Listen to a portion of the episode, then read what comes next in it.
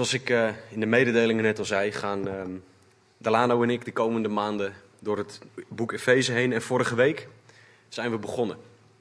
En toen hebben we in Efeze 1, vers 1 tot en met 14 gekeken naar onze identiteit als christen. We hebben gezien dat onze identiteit als christen de wil van God is, dat dat bewerkt is door Jezus Christus en dat het bevestigd is door de Heilige Geest. Dat hebben we in die 14 versen hebben we dat mogen zien. En Paulus, geleid door de Heilige Geest, gaat daarna verder. Het is niet dat het daar stopt. Hij gaat verder met een hele hoop prachtige theorieën, prachtige doctrines, zoals dat zo mooi heet, uitleggen. Want het Bijbelboek Efeze bestaat uit grofweg twee delen. De eerste drie hoofdstukken staan vol met leer, doctrine, theorie, dingen die wij moeten weten als christenen. En hoofdstuk 4 tot en met 6 gaan dan over, maar wat doe je hier nou mee? Hoe ziet het er nou praktisch uit dat jij een christen bent? En in vers 1 staat die tweedeling ook. Efeze 1 vers 1 zegt Paulus, een apostel van Jezus Christus door de wil van God, aan de heiligen en gelovigen in Christus Jezus die in Efeze zijn.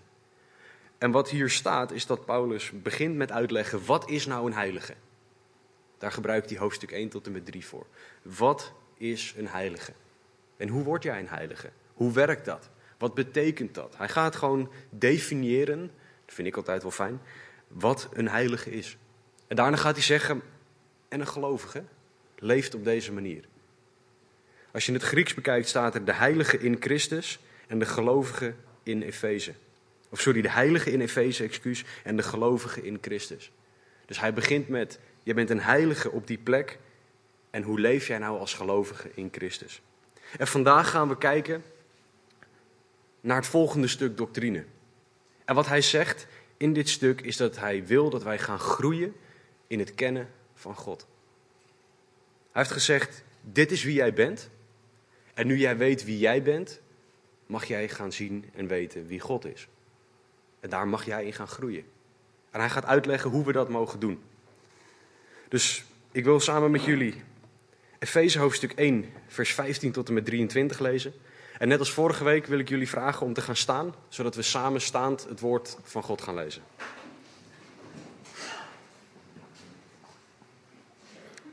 Efeze hoofdstuk 1 vanaf vers 15. Daarom, omdat ook ik gehoord heb van het geloof in de Heer Jezus onder u en van de liefde voor alle heiligen, houd ik niet op voor u te danken, als ik in mijn gebed aan u denk, opdat de God van onze Heer Jezus Christus, de Vader van de heerlijkheid, u de geest van wijsheid en van openbaring geeft in het kennen van Hem. Namelijk verlicht de ogen van uw verstand, om te weten wat de hoop van Zijn roeping is en wat de rijkdom is van de heerlijkheid van Zijn erfenis in de heiligen en wat de alles overtreffende grootheid van Zijn kracht is aan ons die geloven. Overeenkomstig de werking van de sterkte van zijn macht, die hij gewerkt heeft in Christus, toen hij hem uit de doden opwekte en aan zijn rechterhand zette in de hemelse gewesten. Ver boven alle overheid en macht, en kracht en heerschappij en elke naam die genoemd wordt. Niet alleen in deze wereld, maar ook in de komende. En hij heeft alle dingen aan zijn voeten onderworpen en heeft hem als hoofd over alle dingen gegeven aan de gemeente, die zijn lichaam is en de vervulling van hem die alles in allen vervult. Heere God, dank u wel voor dit prachtige stuk tekst. Dank u wel, Heere, voor de fantastische dingen die u ons wil gaan onderwijzen hier doorheen. Heere, spreek door dit woord tot in ieder van ons, raak ons allemaal aan. En Heere, doe uw wil alstublieft deze ochtend. Heere, dat bid ik en vraag ik in Jezus' naam. Amen. Ga alsjeblieft zitten.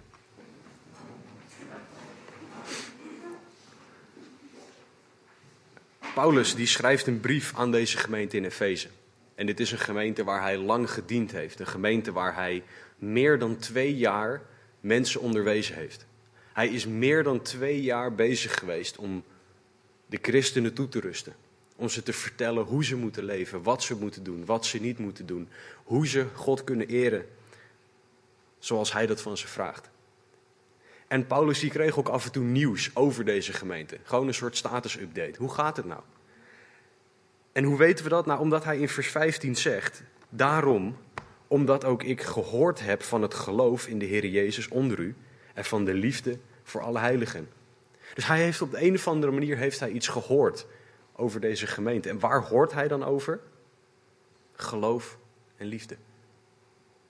Wat een prachtige dingen om te horen over een groep mensen. Daar is geloof en daar is liefde. Andere kerken waar Paulus geweest was, bijvoorbeeld de kerk in Korinthe, die stond bekend om hele andere dingen. Ik denk dat dat een kerk is waarvan wij ons tegenwoordig af zouden vragen of die mensen wel gered zijn. Dit was een kerk die trots was op dat ze zo ontzettend verdraagzaam waren van allerlei zonden. De Korinthekerk was een kerk waar allerlei dingen niet goed zaten. En als je dat dan vergelijkt met Efeze, dan hoort Paulus daarover, jongens, daar is geloof in de Heer Jezus en liefde voor alle heiligen. Wat een fantastisch iets om te horen.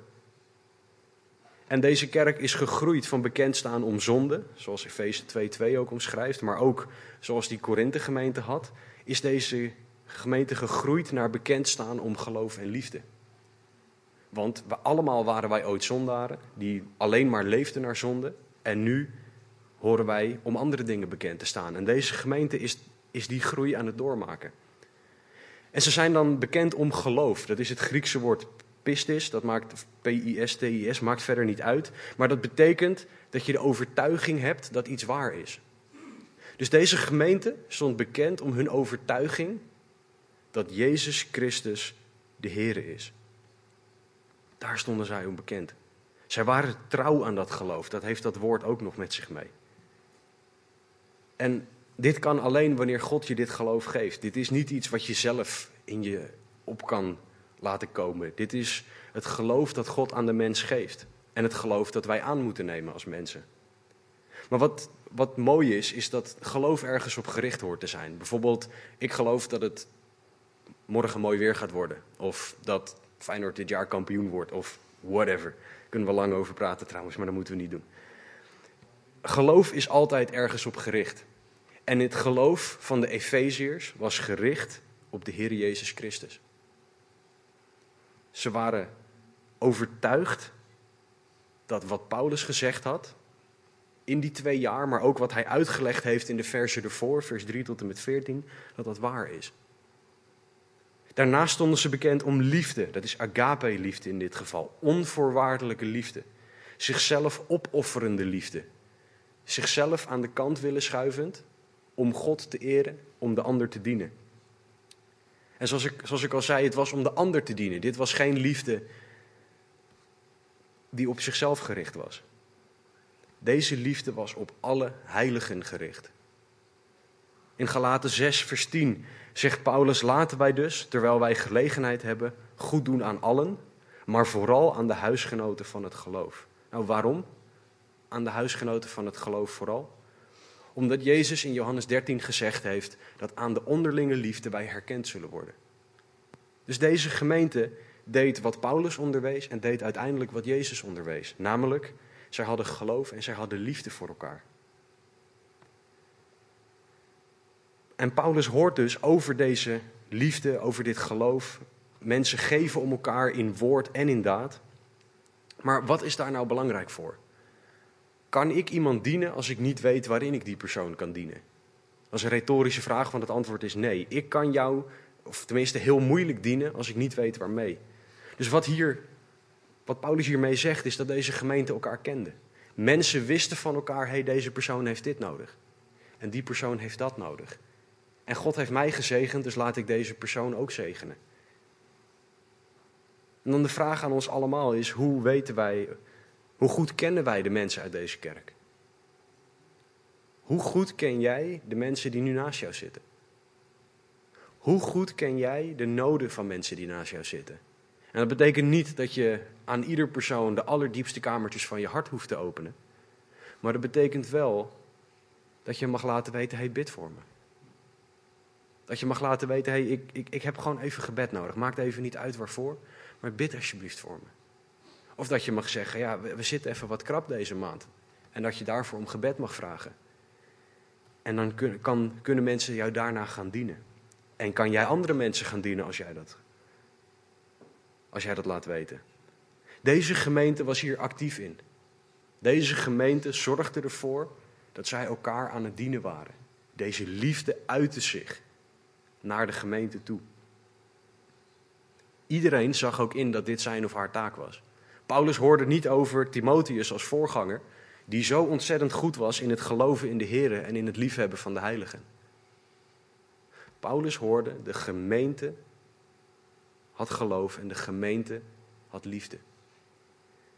Waar staan wij onbekend? Calvary Chapel Haarlemmermeer. Staan wij bekend om trouw aan het geloof dat God gegeven heeft? Staan wij bekend om onderlinge liefde? Zichzelf opofferende liefde? Staan wij bekend omdat we met alle winden meewaaien van leer die er zijn? Staan wij bekend omdat we elkaar de tent uitvechten? Het tegenovergestelde van liefde. Als ik het een niveautje persoonlijker mag maken, waar sta jij onbekend? Als ik aan jouw familieleden vraag, aan jouw vrienden vraag, wat zeggen jullie over deze persoon? Over hem of haar? Wat is dan het antwoord? Ben jij trouw aan het geloof in woord en in daad? Heb jij Gods kerk lief in woord en in daad, ondanks dat de kerk nooit perfect zal zijn? En als wel, prijs de Heer, hè? laat dat voorop staan. Prijs de Heer als dit zo is voor jou. Maar als niet, vraag dan de Heer om je hart te veranderen. Zowel in geloof als in liefde. Dat, heeft, dat hebben wij nodig en dat heeft de gemeente nodig. Weet je, hoe anders zou de kerk zijn als de kerk dit zou doen? Als iedereen bekend zou staan om geloof en liefde. Hoe anders zou de kerk zijn? Als jij nog niet gelooft, dan mag jij deel worden van deze onderlinge liefde. Dan mag jij ook deze rotsvaste overtuiging hebben dat God echt is. En dan mag je dat aan God vragen. Hij wil dat jij die overtuiging en die liefde kan gaan ontvangen. Hij wil dat jij zijn kind bent. Hij wil dat jij zijn liefde gaat ervaren en hij wil dat jij gaat zien hoe oneindig veel hij van jou houdt. Wat een fantastisch iets om bekend om te staan als gemeente. En Paulus heeft daar een fantastische respons op. Hij zegt in vers 16: Ik houd niet op voor u te danken als ik in mijn gebeden aan u denk. In het Grieks staat er aan u denkend, houd ik niet op God voor u te danken. Paulus' enige reactie is dank u. En hij is niet dankbaar naar de, naar de Efeziërs, hij is dankbaar naar God. Want dit is Gods werk in hen. Hij, hij is dankbaar naar God voor zijn werk, het werk van redding. Hij is dankbaar naar God toe voor zijn werk in deze gemeente. Hij is dankbaar naar God toe voor het feit dat deze mensen trouw waren en dat dat te zien was. Dat dat te merken was. En weet je, christenen horen dankbaar te zijn. Het woord voor dankbaarheid dat hier gebruikt wordt, is erkennen dat Gods genade zijn werk gedaan heeft. Hoe dankbaar ben jij? Erken jij dat Gods genade zijn werk gedaan heeft? Of ben jij een echte Hollander? Die overal iets op aan te merken heeft. Doe maar normaal, dan doe je al gek genoeg. Dan is, het is nooit goed. Moest een keer ehm, bij een cursus een beoordeling invullen. Van een cijfer van 1 tot 10. En de, de cursusleider die zei, ja, ik zit hier met een groep met alleen maar echte Nederlanders. Dus jullie mogen één cijfer niet geven, dat is een 7. Want Nederlanders geven altijd een 7. En dat is net niks. Ben jij zo? Of ben jij dankbaar God? Heer, dank u wel. Kan jij vol overgave, tranen in je ogen, dankbaar zijn naar God voor wat Hij doet? Zie jij überhaupt dat God bezig is? Gelukkig zie ik Eveline heel druk ja knikken. Woe. Maar soms zijn wij gewoon te druk om te zien dat God bezig is. Zijn we te druk met dienen. En dienen is niet slecht, maar als we daardoor God uit het oog verliezen wel. Ben jij te negatief en heel Hollands te sarcastisch of te cynisch? Daar was ik er eentje van. Ik was te sarcastisch. Om, vraag bijvoorbeeld maar een Tati, die kan je, kan je wonderlijke verhalen vertellen. maar zijn wij te sarcastisch, te cynisch om te zien dat God bezig is? Of zijn wij God gewoon dankbaar, Heer, dank u? Dank u voor wat ik hoor, voor wat u doet. Hoe dankbaar ben jij? Paulus zegt in 1 Thessalonicense 5:18: Dank God in alles. Want dat is de wil van God in Christus voor u. God wil dat wij dankbaar zijn. Dankbaar in alles, of het nou goed gaat of niet. Paulus was dankbaar om wat hij hoorde van deze gemeente. Hoe dankbaar ben jij? Vanaf vers 17 begint Paulus eigenlijk aan één hele lange gedachte. En in het Grieks is vers 15 tot en met 23 ongeveer twee zinnen. Wat Paulus daarmee doet, is de Griekse taal oprekken tot iets wat niet bekend was. En waarom? Nou, omdat hij dingen wil gaan duidelijk maken die eigenlijk grammaticaal niet mogelijk zijn. Hij moet woorden gebruiken om iets uit te gaan drukken wat niet in woorden uit te drukken is. En daarom krijg je dit soort onleesbare zinnen. En het gebed dat Paulus hier eigenlijk uitspreekt, is dat de kerk zal groeien in het kennen van God, deze kerk in Efeze. En hij gaat ze vertellen in wie ze moeten groeien, hoe ze moeten groeien en wat ze precies moeten leren. Paulus die bidt voor deze gemeente dat ze God zullen leren kennen, meer en meer en meer. En hij geeft aan dat dat alleen kan door de geest van wijsheid. Hij zegt in vers 17, opdat de God van onze Heere Jezus Christus, de Vader van de heerlijkheid, u de geest van wijsheid en van openbaring geeft in het kennen van Hem. Dat is zijn gebed voor deze gemeente. Nadat hij gedankt heeft, zegt hij aan jongens, dit is wat ik voor jullie bid. Jullie weten nu wie jullie zijn in God. Ik bid nu dat jullie God zullen kennen. En wat fantastisch is, we hebben in vers 3 tot en met 14 hebben we de drie eenheid gezien. De wil van God, bewerkt door, door Christus en bevestigd in de Heilige Geest. Maar in vers 17 zegt Paulus nog een keer, de drie eenheid is bezig. Hij heeft het over onze Heer Jezus Christus, de Vader van de heerlijkheid en de Geest van wijsheid. Deze drie werken altijd perfect samen. En het is een van de meest onbegrijpelijke dingen in het woord, die toch fantastisch mooi is. God is drie in één. Een vergelijking die er het dichtste bij komt om het uit te leggen, is als je een kubus voor je ziet. Gewoon een vierkant doosje. Die heeft een hoogte, een breedte en een diepte. Alle drie hebben die een eigen waarde en samen vormen ze één geheel. Je hebt ze alle drie nodig om het geheel te maken, maar je kan ze afzonderlijk kan je ze, kan je ermee aan de slag. Dat is een iets wat kromme, omdat elke vergelijking richting God krom gaat, maar dat is een manier om ernaar te kijken. En God, drie in één, bestaat uit God de Vader, God de Zoon en God de Geest, met alle drie hun eigen taak, hun eigen persoonlijkheid, die toch samen perfect één zijn. Wat voor ons niet te snappen is. Het is perfecte harmonie. En wat we ook niet altijd, uh, wat, wat we ook ons moeten realiseren, is dat het perfecte hiërarchie is.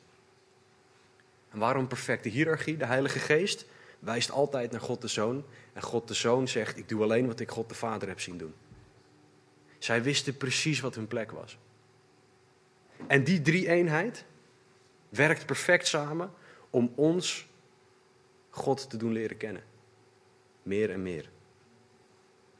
In 1 Korinthe 2:10 zegt Paulus aan ons echter heeft God het geopenbaard door zijn geest, namelijk wie Jezus is.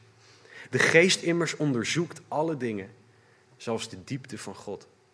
Dat is wat de geest doet. Dat is wat hij aan ons vertelt. En de taak van de Heilige Geest is dus om dingen eh, van God aan ons te openbaren. En wij kunnen God dus op één manier beter leren kennen. Door de Heilige Geest heen. Als jij heel hard gaat zelf gaat zitten proberen om God beter te leren kennen, ga je niet heel ver komen. Alleen de Heilige Geest kan jou God duidelijk maken. Maar dat klinkt heel zweverig. De Heilige Geest en God beter leren kennen. Wat bedoel ik daar nou mee? Nou, heel simpel. De Bijbel leert in 2 Petrus 1 en in 2 Timotheus 3 dat God de schrijver is en specifiek de Heilige Geest de schrijver is van de Bijbel. Als wij dus de gedachten van de Heilige Geest willen leren kennen, als wij God willen leren kennen, moeten we zijn woord lezen. Moeten we zijn woord, de Bijbel, moeten we lezen. En dat moeten we biddend lezen, want de Heilige Geest is God en we mogen Hem dingen vragen. En het doel hiervan is dan niet om kennis op te doen, om te kunnen zeggen, nou ik, ik weet het echt, ik snap het allemaal. Het doel is God kennen. En wat ik daarmee bedoel is, ik kan allemaal, als ik het voorbeeld van mijn vrouw even mag nemen, die nu de kinderen aan het dienen is. Ik kan alles over mijn vrouw weten zonder haar te kennen.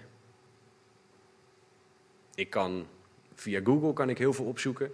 Ik kan haar bestuderen van een afstandje, dat heet stalken tegenwoordig, dus dat mag niet.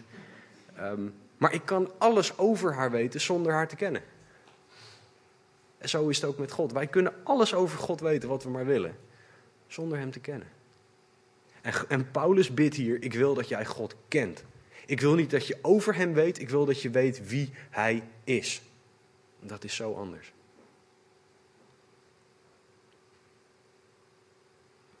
Met Paulus horen wij te bidden voor Zijn aanwezigheid in ons leven. We horen te bidden voor Zijn stem, voor Zijn richting, Zijn woorden in ons leven. En dat is alleen maar genade. Want God, die, de oneindig grote God, die hemel en aarde geschapen heeft, zegt tegen zandkorreltjes zoals wij: Ik wil graag dat jullie mij kennen. Ik kan er niet bij met mijn verstand hoe dat werkt. Dat is alleen genade. Maar kennen klinkt ook nog theoretisch. Dit gaat om persoonlijke kennis. Dit gaat om persoonlijk contact met God. Een persoonlijke ervaring met God zelfs. Paulus bidt dat deze kerk God zou kennen. En het Griekse woord dat hij daar gebruikt zegt kennis door contact. De enige manier waardoor wij God beter zullen leren kennen is door in contact met Hem te staan. Door contact met Hem te hebben.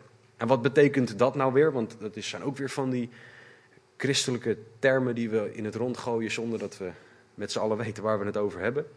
Dat betekent gewoon lees je Bijbel, bid elke dag. Er is geen magische formule voor. Het is niet zo dat als je op je hoofd gaat staan, dat het dan sneller gaat. Het gaat erom dat jij Gods woord leest en dat jij met hem praat. Lees je Bijbel, bid elke dag. En dit is niet God één keer ontmoeten, dit is God vaker ontmoeten. Elke dag en elk moment van elke dag ontmoeten. En dat kan weer alleen door de geest van God. Dus als wij God willen leren kennen, moeten wij bij de Heilige Geest beginnen. Heilige Geest, openbaar mij uw woord. Daarna moeten we, want de Heilige Geest zegt, oké, en dit is wie Christus is. En Jezus zegt, en dit is wie God de Vader is. En door, door die reis heen leren wij God kennen. Paulus bidt dat u de geest van wijsheid en van openbaring in het kennen van, van Hem mag ontvangen. Weet je, en het, het, woord is dan gewoon de Bijbel, Gods woord lezen. God spreekt door zijn woord, zegt Hebreeën 1, vers 1. En wij kunnen God ontmoeten in zijn woord. Gebed is een dialoog met God. Het is niet een verlanglijstje à la Sinterklaas opdreunen. Het is geen verlanglijstje neerleggen en zeggen: Heer, ik heb het zo zwaar, lost u al mijn problemen op. Dat is, dat is niet bidden zoals God het bedoeld heeft. Ik doe het zelf heel vaak, ik maak me er zelf zeker schuldig aan.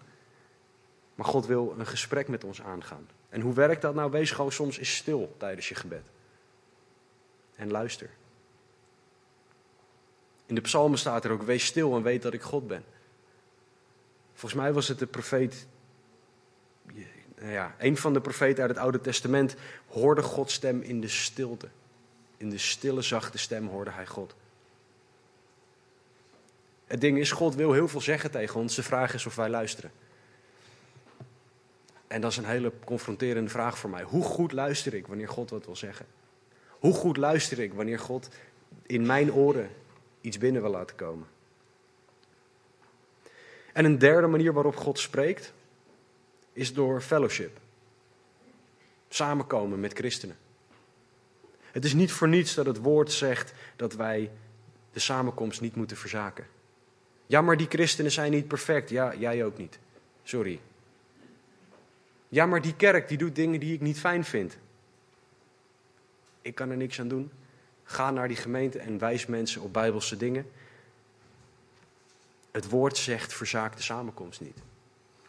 Dus er zijn drie manieren waarop wij God kunnen leren kennen. Dat is door het woord, is door gebed en door samen te komen met andere heiligen. Waarom? Omdat daar mensen zijn die ons, als het goed is, weer op God en op het woord wijzen. Allemaal schieten wij hierin tekort, maar allemaal mogen wij en moeten wij ons hier naar uitstrekken. En dit is een voortdurend proces. Dit is niet een eenmalig iets. Je moet ook nooit denken dat je het bereikt hebt. Dat je zegt, nou, nu snap ik Gods genade wel. Dat is, dat, daar ben ik nu voorbij. Op het moment dat jij voorbij Gods genade bent, dan heb je een heel groot probleem. Want dat betekent dat jij het opeens weer zelf kan. Voor mij betekent dit persoonlijk dat ik het woord van God overdenk en erop mediteer. En dat betekent zoveel als dat ik delen van het woord opzoek waar omschrijvingen van God bijvoorbeeld in staan. Als je erover nadenkt dat God de wateren in zijn hand houdt.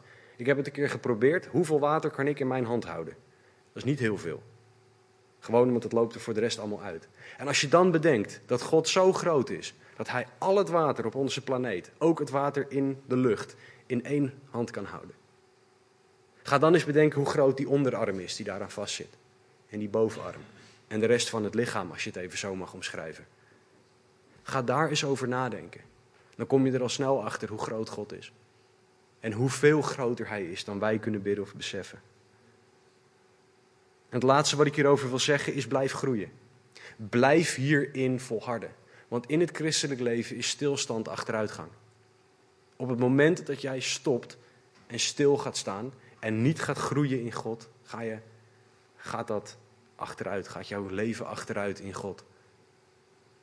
Dus blijf het woord bestuderen, blijf bidden, blijf de fellowship met de christenen opzoeken. Om God te kennen. Paulus gaat verder. Hij zegt: Ik bid dat u de geest van openbaring krijgt. En dan specifiek verlicht de ogen van uw verstand. Om te weten wat de hoop van zijn roeping is. En wat de rijkdom is van de heerlijkheid van zijn erfenis in de heiligen. Paulus bidt dat deze gemeente verlichte ogen van het verstand krijgt. God wil dat we nadenken, dat we redeneren. Christenen worden wel eens weggezet als dom, dat we ons verstand niet gebruiken. Als je om je heen kijkt, kan je toch zien dat God niet bestaat. Voor mij is het logisch dat als je om je heen kijkt, dat je er niet omheen kan dat God wel bestaat. Dus dat is logica tegen, laten we het iets anders dan logica noemen. God wil dat wij nadenken. En hij wil ons verstand verlichten om de dingen van God te zien. Nou, waarom is dat nou nodig? Nou, omdat Efeze 4:18 zegt dat ongelovigen verduisterd zijn in hun verstand. Op het moment dat wij nog niet geloven, kunnen wij God niet zien. En God moet ons verlichten en meer en meer verlichten. Dat is waar dit over gaat. En wat mogen wij dan zien? Nou, de hoop van zijn roeping, zegt hij, de rijkdom van de heerlijkheid van zijn erfenis. En in vers 19, de alles overtreffende grootheid van zijn kracht. Dat zijn nog eens drie dingen om over na te denken. En dat gaan we dan ook doen. Deze drie dingen horen deel te worden van ons verstand. En wij horen dit te leren begrijpen. En dit is Paulus' gebed voor de gemeente in Efeze, maar ook voor ons. En waarom bidt hij dat? Nou, omdat hij snapt dat wij dit nodig hebben. Paulus geeft de gemeente aan, wie hij, aan de gemeentes aan wie hij schrijft allemaal dingen die hij zelf doorgemaakt heeft. Hij zegt daarbij niet, ik snap het allemaal en jullie zijn van die domme nieuwe christenen die nog niks snappen. Nee, hij zegt, jongens, ik heb dit mogen ervaren en dit is zo groot. Ik wil dat jullie hierin delen. Paulus heeft eerst uitgelegd wat de identiteit van de christen is en dat die identiteit tot uiting moet komen in geloof en liefde. En nu bidt hij voor verlichte ogen van het verstand, zodat we dingen van God kunnen gaan snappen. En hij begint met in vers 18 zeggen: Ik wil dat jullie weten wat de hoop van zijn roeping is. Stan heeft een aantal weken geleden gesproken over het feit dat God een roeping voor elke christen heeft. Een algemene roeping, maar ook een hele specifieke roeping. De algemene roeping was dat wij medearbeiders van God zouden zijn. De specifieke roeping van God op jouw leven, die weet alleen God. En Paulus zegt, deze roeping heb je, maar er zit een hoop bij. En die hoop op die roeping mag je leren kennen. En bijbelse hoop is niet hoop op mooi weer. Niet hoop op het winnen van de loterij. Of iets van die aard. Bijbelse hoop is zekerheid. We weten dat het gaat komen, we weten alleen niet altijd wanneer het gaat komen. In Klaagliederen 3 zegt de schrijver: Mijn deel is de Heere, zegt mijn ziel, daarom zal ik op hem hopen. Goed is de Heere voor wie hem verwacht, voor de ziel die hem zoekt. Goed is het te hopen en stil te wachten op het heil van de Heere. Dat is wat wij mogen doen. Dat is de hoop die wij mogen leren kennen, hoop die vaststaat. En het is ook een hoop die God wil geven. Het is niet zo dat God zo het vasthoudt. Het is dat je erom vraagt. Maar eh, hij staat klaar om het te geven en te geven en ons te overspoelen met meer, meer, meer dan dat wij ooit op zullen kunnen maken. Alleen vragen wij erom. En dit is hoop op God voor kracht om de dag door te komen. Rust, vertrouwen, genade, liefde, redding, hoop op Christus, hoop in God. En wat mooi is, is dat God zegt: Ik heb een roeping voor jou, maar ik geef je ook de middelen om die roeping uit te voeren. Hoe fantastisch is dat? En dan de vraag is voor jou en voor mij: waar hopen wij op? Hoop jij op mensen? Dus aanhalingstekens eigen talenten, capaciteiten, eigen capaciteiten. Hoop jij op geld, carrière, de nieuwe iPhone? Waar hoop jij op? Is het jouw wil of is het Gods wil? God zegt hier hoop op mij. Ik heb alles voor jou wat je nodig hebt.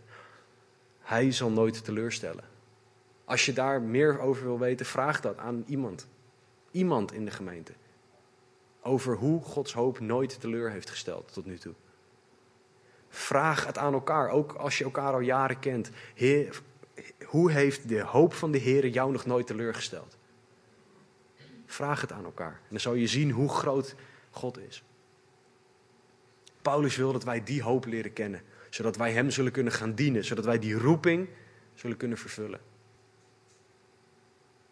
Hij zegt daarna, en ik wil dat jullie weten wat de rijkdom is van de heerlijkheid van Zijn erfenis in de heiligen. En we hebben vorige week gezien dat de kerk, de christenen, Gods erfdeel, Jezus erfdeel zijn.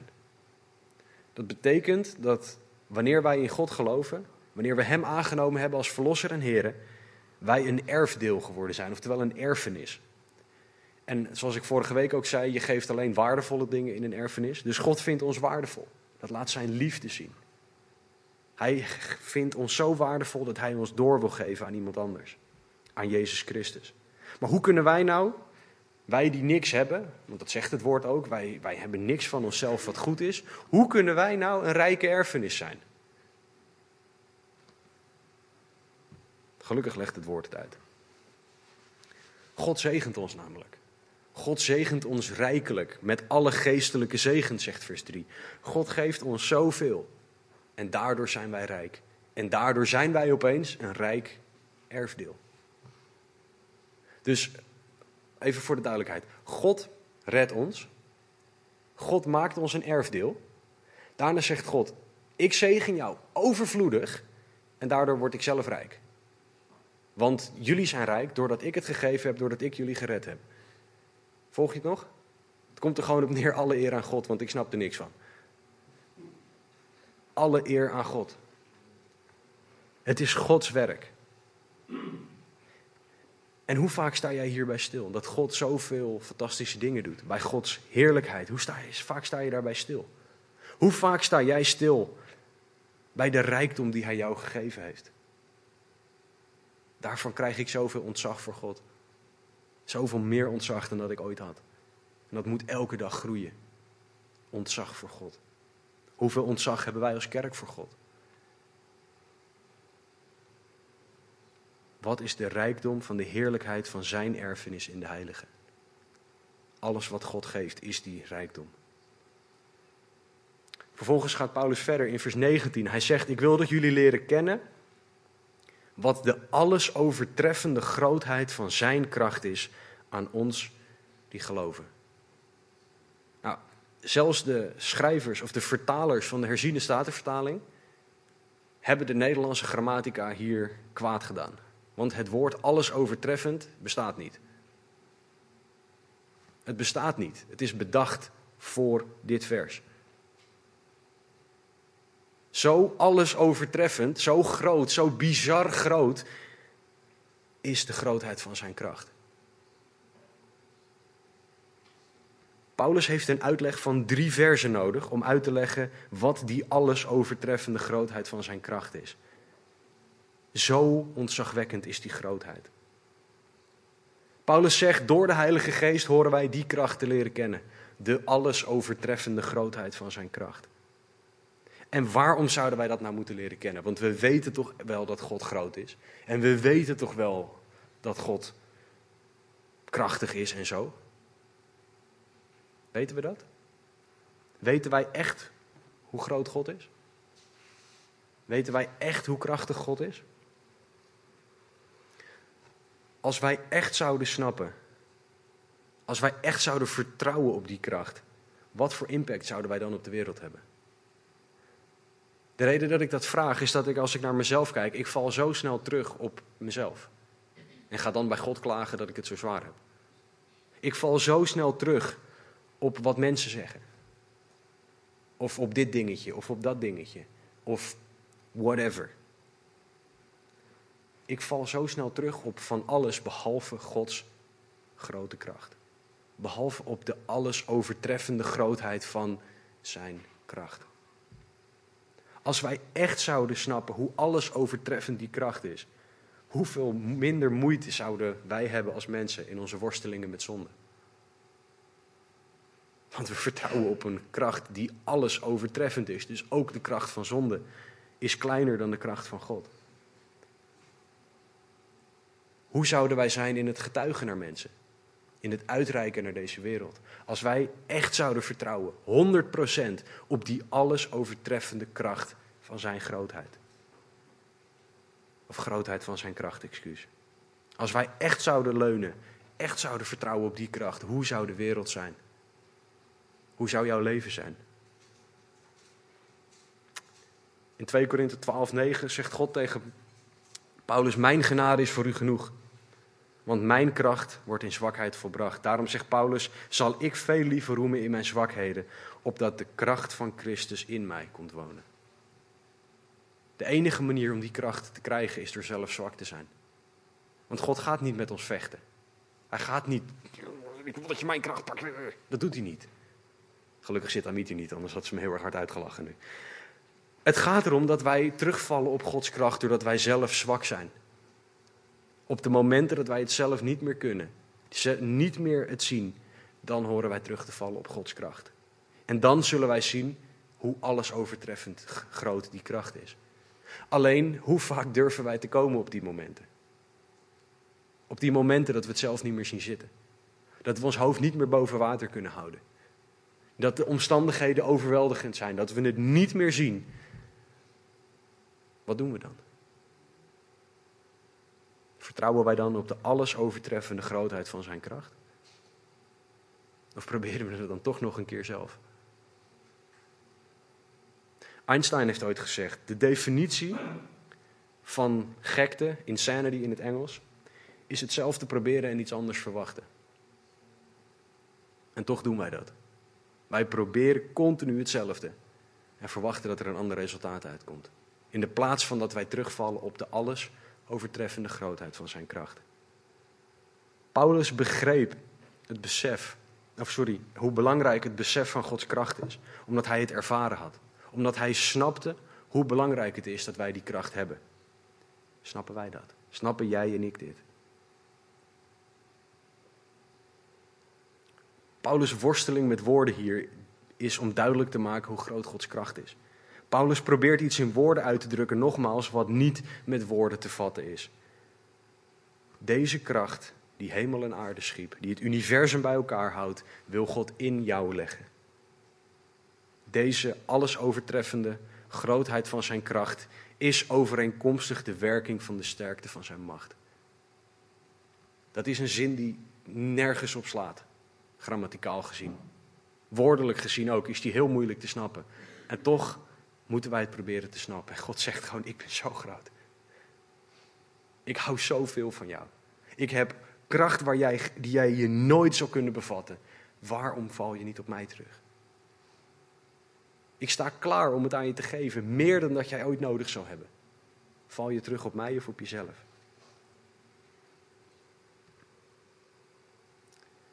Paulus zegt, dit is de kracht die hij gewerkt heeft in Christus, vers 20. Toen hij hem uit de doden opwekte en aan zijn rechterhand zette in de hemelse gewesten, ver boven alle overheid en macht, en kracht en heerschappij en elke naam die genoemd wordt. Niet alleen in deze wereld, maar ook in de komende. Paulus zegt hier, de kracht die God voor jou heeft, is de kracht waarmee God Jezus uit de dood heeft opstaan. Hoeveel groter wil je die kracht hebben? Het is wetenschappelijk onmogelijk om iets dat dood is tot leven te brengen. Dat kan niet. Iets doods kan niet leven. De wetenschap probeert het al jaren, maar het kan niet. En toch doet God het. Dus de wetenschap zegt dat iets niet kan en God doet het wel. Wie geloven we dan? 1 Johannes 4:4 zegt: Hij die in u is, is groter dan hij die in de wereld is. Wij mogen ook weten dat Gods kracht zoveel groter is dan de kracht van de Satan. Wij moeten niet denken dat, dat het een soort gevecht is tussen God en Satan, waarbij het ongeveer gelijk is en dat we maar moeten hopen dat het de goede kant op gaat vallen. Het is hetzelfde als dat jij een potje maakt van klei. En dat terwijl de klei nog zacht is, dat die klei tegen jou in opstand gaat komen. En gaat proberen om, van jou, om jou te overheersen. Dat is het idee. Die klei kan nooit van jou winnen. Hele kromme vergelijking, maar je snapt het idee. God is altijd groter als schepper dan de schepping. Altijd. God doet het onmogelijke en dat is die kracht die in ons leeft. Dit is de kracht die in de gelovigen hoort te leven. En om te groeien in God, waar Paulus het nu over heeft, horen wij die kracht te leren kennen. Wij horen die te gaan snappen, voor zover we dat kunnen. Wij horen die te ervaren. De kennis waar Paulus het over heeft, is ervaringskennis. Wij horen die kracht te ervaren. En dat mogen we aan God vragen. Laat voorop staan, laat heel duidelijk zijn. Ik zeg hier niet dat wij alleen op ervaringen moeten vertrouwen. Ik zeg niet dat als je geen ervaring hebt, of als jij die al een week, een maand, een jaar niet gehad hebt, dat jij geen christen bent en dat je jezelf heel snel moet bekeren. Ik zeg dat God op bepaalde momenten zijn kracht zo zal openbaren dat jij het zal ervaren. En die momenten zijn fantastisch. En voor de rest horen wij zijn woord te bestuderen om te zien hoe groot die kracht is. Mogen wij om ons heen kijken en mogen wij snappen dat God alles bij elkaar houdt mogen wij snappen dat als onze aarde 100 kilometer meer richting de, aarde had, of richting de zon had gestaan, dat de aarde gesmolten was. Dat mogen wij leren snappen. En dan mogen wij zien hoe groot Gods kracht is, hoe groot Gods hand is. Die kracht heeft Jezus aan Gods rechterhand gezet. Die kracht geeft Jezus de plek van maximale autoriteit. Die kracht geeft Jezus gelijkwaardige waardigheid in de, en autoriteit in de hemel met God. Die kracht is in jou werkzaam. Wil God in jou leggen. Die kracht hoort de overhand te hebben in ons leven. Dit is de Jezus die wij mogen kennen. Ver verheven boven alle macht, alle overheid, kracht, heerschappij en naam. Dat is de Jezus die wij mogen kennen. Dit is de Jezus die voor jou en voor mij aan het kruis gestorven is. Dit is de Jezus die tegen jou zegt: Ik hou oneindig veel van jou. Van, ik hou van de hele mensheid, maar specifiek van jou. En dat zegt hij tegen ons allemaal. Dit is de Jezus die wil dat wij bij God de Vader zijn. De Jezus die zijn leven voor jou gaf en voor mij. Zodat wij nu eeuwig leven mogen hebben. Die Jezus. Die kracht mogen wij leren kennen. Paulus gaat verder met de uitleg over deze kracht. En dan gaat hij opeens iets heel ogenschijnlijk raars doen. Hij zegt, oh ja, en hij, God, heeft alle dingen aan Jezus voeten onderworpen en heeft hem als hoofd over alle dingen gegeven aan de gemeente, die zijn lichaam is en de vervulling van hem, die alles in allen vervult. Het lijkt nu alsof Paulus opeens een soort zijsprong maakt en zegt, we hebben het nu over die kracht gehad, en dan gaan we het nu over die kerk hebben. Maar dat, zo is het niet. Want het, het is context bij elkaar. Het staat bij elkaar en we moeten dit snappen. Dit is belangrijk voor de kerk. om aan te geven hoe belangrijk het is. Er zijn mensen die letterlijk gestorven zijn voor deze doctrine. Jezus is het hoofd van de kerk, is wat Paulus hier zegt. En wat Paulus nog meer zegt, is de kracht die in ons werkt. Die Jezus uit de dood heeft doen opstaan. Dat is de kerk die ook, dat is de kracht die ook in de kerk hoort te zijn. Dat is de kracht die door de kerk hoort te gaan. En de kerk hoort dus deze kracht van God tot uiting te brengen op aarde. wat we hier zien is Jezus heerst. Hij heeft alle dingen aan Jezus voeten onderworpen en heeft hem als hoofd over alle dingen gegeven aan de gemeente. En tot slot wil ik met jullie kijken naar wat dit betekent voor ons als gemeente. Naar drie dingen die wij mogen zien over het feit dat Jezus deze kracht voor ons heeft. We mogen zien dat Jezus het hoofd is van alle dingen, dat de kerk zijn lichaam is en dat de kerk de vervulling is van Jezus die alles in allen vervult. Haal ik letterlijk, alleen, haal ik letterlijk uit de tekst. Er staat dat Jezus het hoofd is van alle dingen. Nou, ik heb wat onderzoek gedaan en het hoofd zorgt voor voeding, voor, voor lucht, voor, uh, voor zuurstof, voor drinken. Zonder het, lichaam, zonder het hoofd heeft het lichaam geen kracht en geen leven. Ik weet niet, bij een kip werkt het nog wel eens dat hij een tijdje rondrent, maar die doet verder niks nuttigs. Een mens zonder hoofd, zonder verder details daarover, maar is dood, doet niks. Het hoofd verzorgt communicatie met de leden, verzorgt afstemming tussen de leden. Als je bijvoorbeeld je handen klapt, weet je waar je moet stoppen. Dat weet je doordat je hoofd en je brein dat weet. Je lichaam moet bepaalde dingen wel en niet binnenlaten. Als er bijvoorbeeld een vogel mijn neus in zou willen vliegen, het klinkt heel stom, maar dan weet mijn brein dat dat niet verstandig is. Zo werkt het ook voor Gods lichaam. Gods lichaam wordt gevoed door het hoofd, krijgt lucht, drinken van het hoofd. Communicatie tussen de leden is door het hoofd. En het hoofd weet wat wel en niet in dit lichaam thuis hoort. Zo treffend is het beeld van het hoofd, van Jezus als hoofd van de kerk. En dan is de vraag, hoe ondergeschikt zijn wij aan dat hoofd? En niet de theorie van de Bijbel, maar praktisch gezien. Als God tegen jou zegt, ik wil dat jij daarheen gaat, ga jij dan? Als God tegen jou zegt, ik wil dat je dat doet, doe je dat dan? Hoe ondergeschikt ben jij? Zijn wij als kerk aan Jezus, het hoofd? Hoe goed luisteren wij?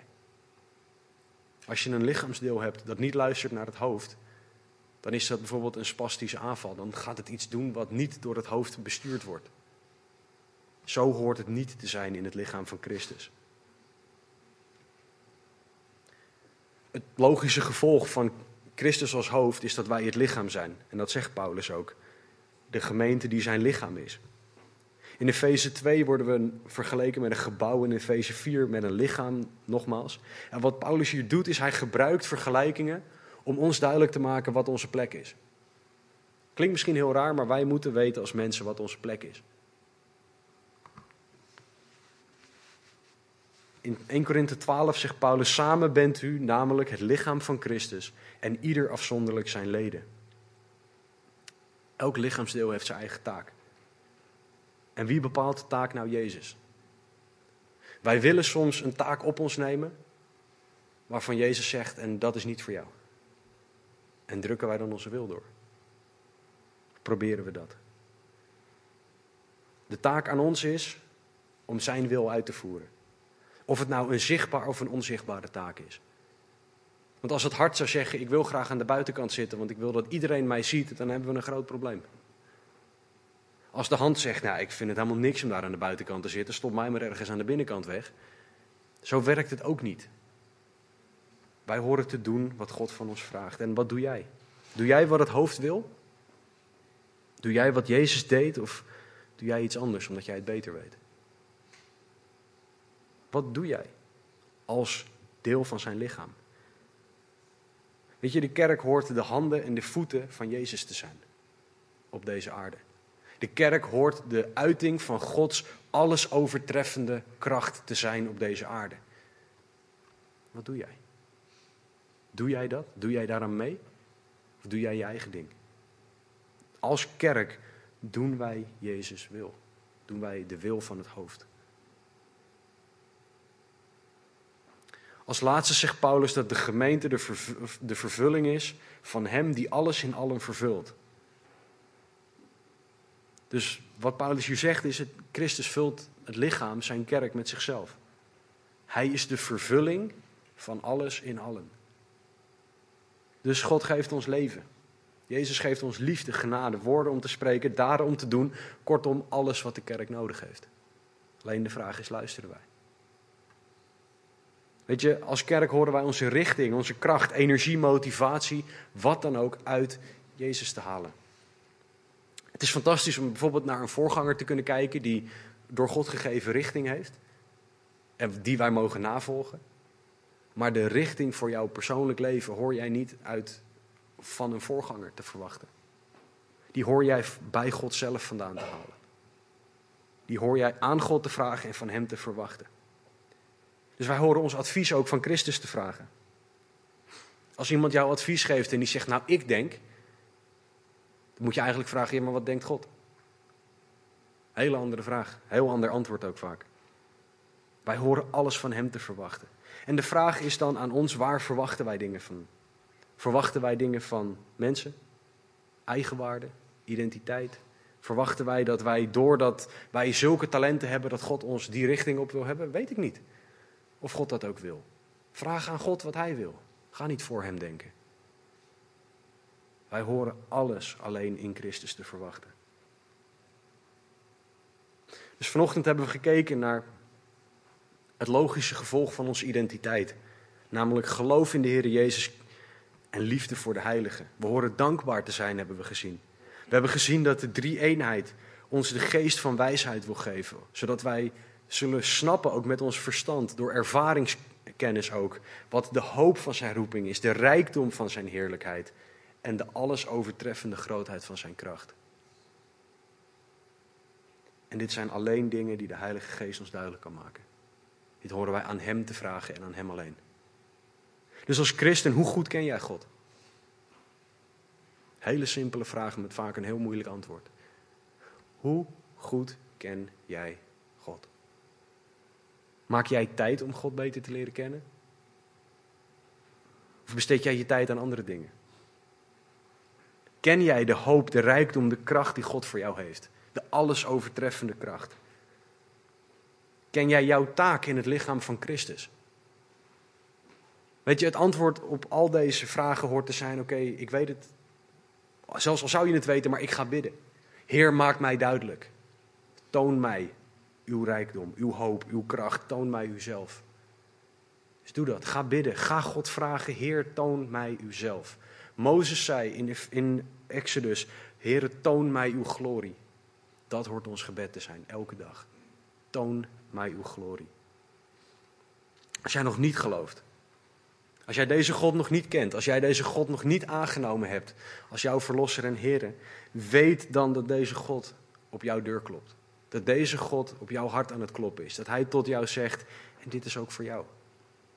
Ik heb dit ook voor jou. Als jij deze God nog niet kent, maak dan vanochtend de keuze om Hem wel te gaan leren kennen. Accepteer Hem als jouw verlosser en Heer, want Hij heeft zoveel voor jou. Hij heeft hoop voor jou. Hij heeft rijkdom van heerlijkheid voor jou. Hij heeft kracht voor jou. Hij heeft zoveel voor jou. Accepteer Hem. Weet je, God kent jou door en door. Hij weet precies hoeveel haren er op je hoofd zitten. In mijn geval worden dat er langzamerhand minder. Jammer genoeg. Maar Hij heeft jou gemaakt en Hij wil graag dat jij ook Hem leert kennen. De vraag is, wil jij dat ook? Matthäus 7, vers 7 en 8, daar zegt Jezus zelf, ik citeer nu hier de God van hemel en aarde, bid en u zal gegeven worden, zoek en u zult vinden, klop en er zal voor u open gedaan worden. Want ieder die bidt, die ontvangt, wie zoekt, die vindt. En voor wie klopt, zal open gedaan worden. Weet je, dit is de belofte van God aan jou. God kan niet liegen. Nooit. Anders zou hij geen God zijn. Deze God zegt, als jij mij zoekt, zal je mij vinden. Als jij tot mij bidt, zal ik jou geven. En dit is niet als jij bidt om een Ferrari, staat er een Ferrari voor de deur. Dit gaat om alle geestelijke zegen die God voor jou heeft. Al het geloof dat God jou wil geven, zal Hij jou geven op het moment dat je erom vraagt. Alle rust, vrede, zal Hij jou geven op het moment dat je daarom vraagt. Vraag Hem om jou zichzelf te laten zien. Dat is zowel voor de christen als de niet-christen. Vraag Hem om jou te overtuigen van wie Hij is. Zowel voor de christen als de niet-christen. Laten we bidden. Heere God, dank u wel. Dank u wel, Heere, dat u gekend wil worden. Dank u wel, Heere, dat u duidelijk maakt hoe u gekend kan worden, Heere, alleen door de Heilige Geest. Heere, dank u wel dat u wil dat wij groeien in u, door uw werk in ons. Dus Heere, doe uw werk alstublieft. Ga alstublieft door met alles wat u aan het doen bent. Ik dank u voor alle prachtige dingen die u aan het doen bent. Heere, blijf mensen tot uzelf trekken, alstublieft. Blijf uzelf openbaren. Heere, zoals alleen u dat kan. En terwijl we onze ogen dicht houden, ga, ga gewoon met God in gesprek. Bid tot God dat Hij zichzelf zal openbaren aan jou. Bid tot God dat Hij jou dankbaar zal maken. Dat Hij jou geloof zal geven, meer. Dat Hij jou liefde voor de heilige zal geven. Bid tot God dat Hij jou zichzelf zal laten zien. Het aanbiddingsteam zal zo een eh, aantal liederen gaan spelen. Als jij gebed wil hebben, kom dan naar voren toe. Vraag het aan de mensen om je heen. Het maakt niet uit, maar ga hier niet weg zonder dat er voor jou gebeden is als je dat nodig hebt. Het is niet gek om om gebed te vragen. Het is niet raar. Het is juist goed om om gebed te vragen, want wij hebben dat allemaal nodig.